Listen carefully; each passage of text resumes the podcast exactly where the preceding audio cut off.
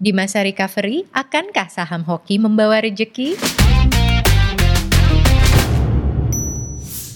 Halo sahabat Mirai Aset, welcome to Superstock. Di episode kali ini, kita telah pilihkan satu saham dari sektor consumer goods. Langsung saja yuk kita tanya Bapak Andi Gunawan selaku Research Analyst Mirai Aset Sekuritas Indonesia. Hai Pak. Halo Alia. Nah, hari ini kita mau bahas saham apa nih Pak dari sektor consumer goods? Nah, kebetulan sektornya udah disebut nih sama Alia nih. Sekarang Ya. kita mau bahas yang namanya emiten PT Buyung Putra Sembada. Kalau investor kurang hafal tapi ticker sahamnya itu hoki. Oke, Ya. ya udah bau-bau hoki nih ya Iya. Oke. Nah, mungkin bisa diceritakan nih ke sahabat Mirai Aset, seperti apa sih bisnis model perusahaan hoki ini? Oke, hoki ini adalah produsen dan distributor beras. Jadi dia mendapatkan bahan bakunya berasnya itu dari petani, dia olah dan dia distribusikan ke modern channel dan eh, pasar tradisional. Jadi ada dua channel distribution ya Pak ya? Betul, tepat sekali. Oke, boleh tahu nggak mereknya apa tadi? Eh, kalau mereknya itu yang yang di modern channel itu disebut topi koki. Memang ada merek lain Pak? Ada private label dia di mana dia kerjasama dengan Indomaret. Jadi dia menggunakan eh, merek dari merek Indomaret padahal eh, dia yang memproduksi sendiri. Nah, boleh diceritakan nih Pak Andi, kan banyak ya bisnis dan perusahaan yang mengalami masa sulit nih sepanjang COVID. Kalau untuk hoki ini sendiri bagaimana ya? Oh, kebetulan juga hoki juga sama seperti bisnis yang lainnya. Tahun kemarin pada saat pandemi Covid sangat-sangat terpukul juga.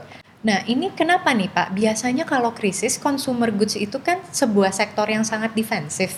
Tapi kenapa justru di COVID ini dia tidak sekondusif sebelumnya ya? Nah, ini yang paling menarik. Jadi seperti yang saya sudah bahas eh, sebelumnya bahwa distribution channel dia itu ada dua, yaitu pertama modern channel, yang kedua traditional market atau eh, general trade kalau kita boleh katakan.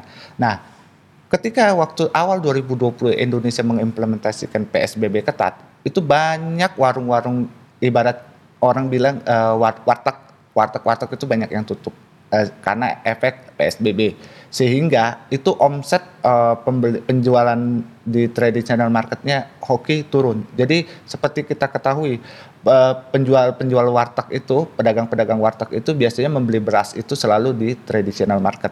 Jadi bisa dikatakan ya Pak ya, kalau memang daya beli masyarakat di Indonesia ini masih rendah ya.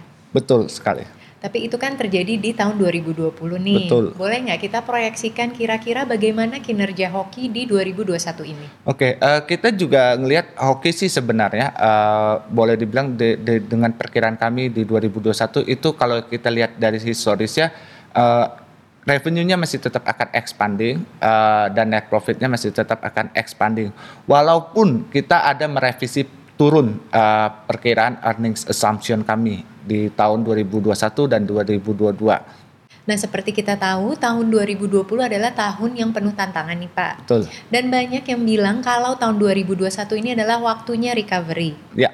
Adakah katalis yang bisa membantu hoki untuk perform di tahun 2021 ini? Jadi sentimen positif pertama adalah upgrading production capacity.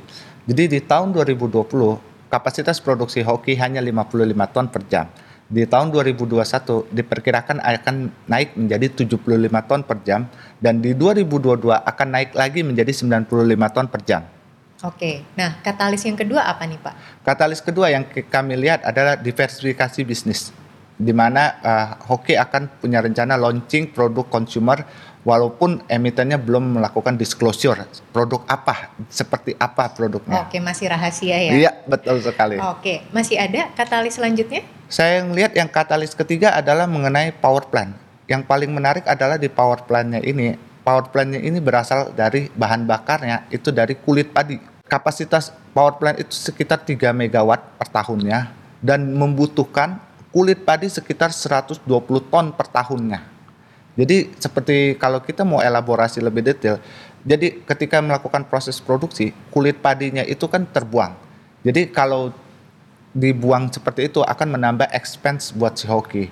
Jadi dengan adanya power plant tersebut itu juga menjadi bagian dari proses efisiensi si hoki untuk Oke.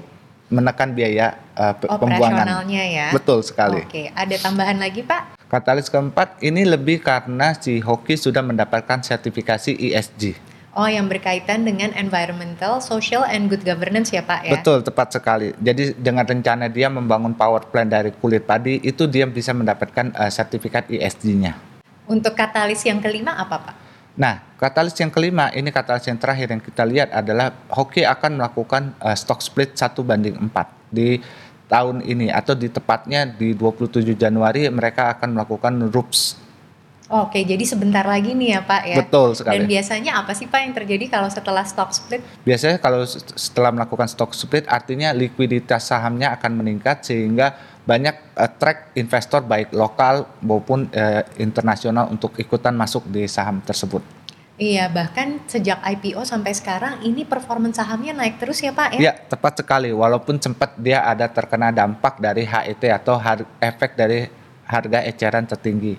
Nah, tadi kan kita berbicara tentang proyeksi kinerja perusahaan hoki. Betul. Bagaimana dengan proyeksi sahamnya nih, Pak? Uh, target price kami untuk hoki di 1395 dan rekomendasi kami masih buy. Oke, jadi per harga saham hoki di tanggal 21 Januari ini ada di 1130. Upside-nya ada berapa nih, Pak? Sekitar uh, lebih dari 20 persen.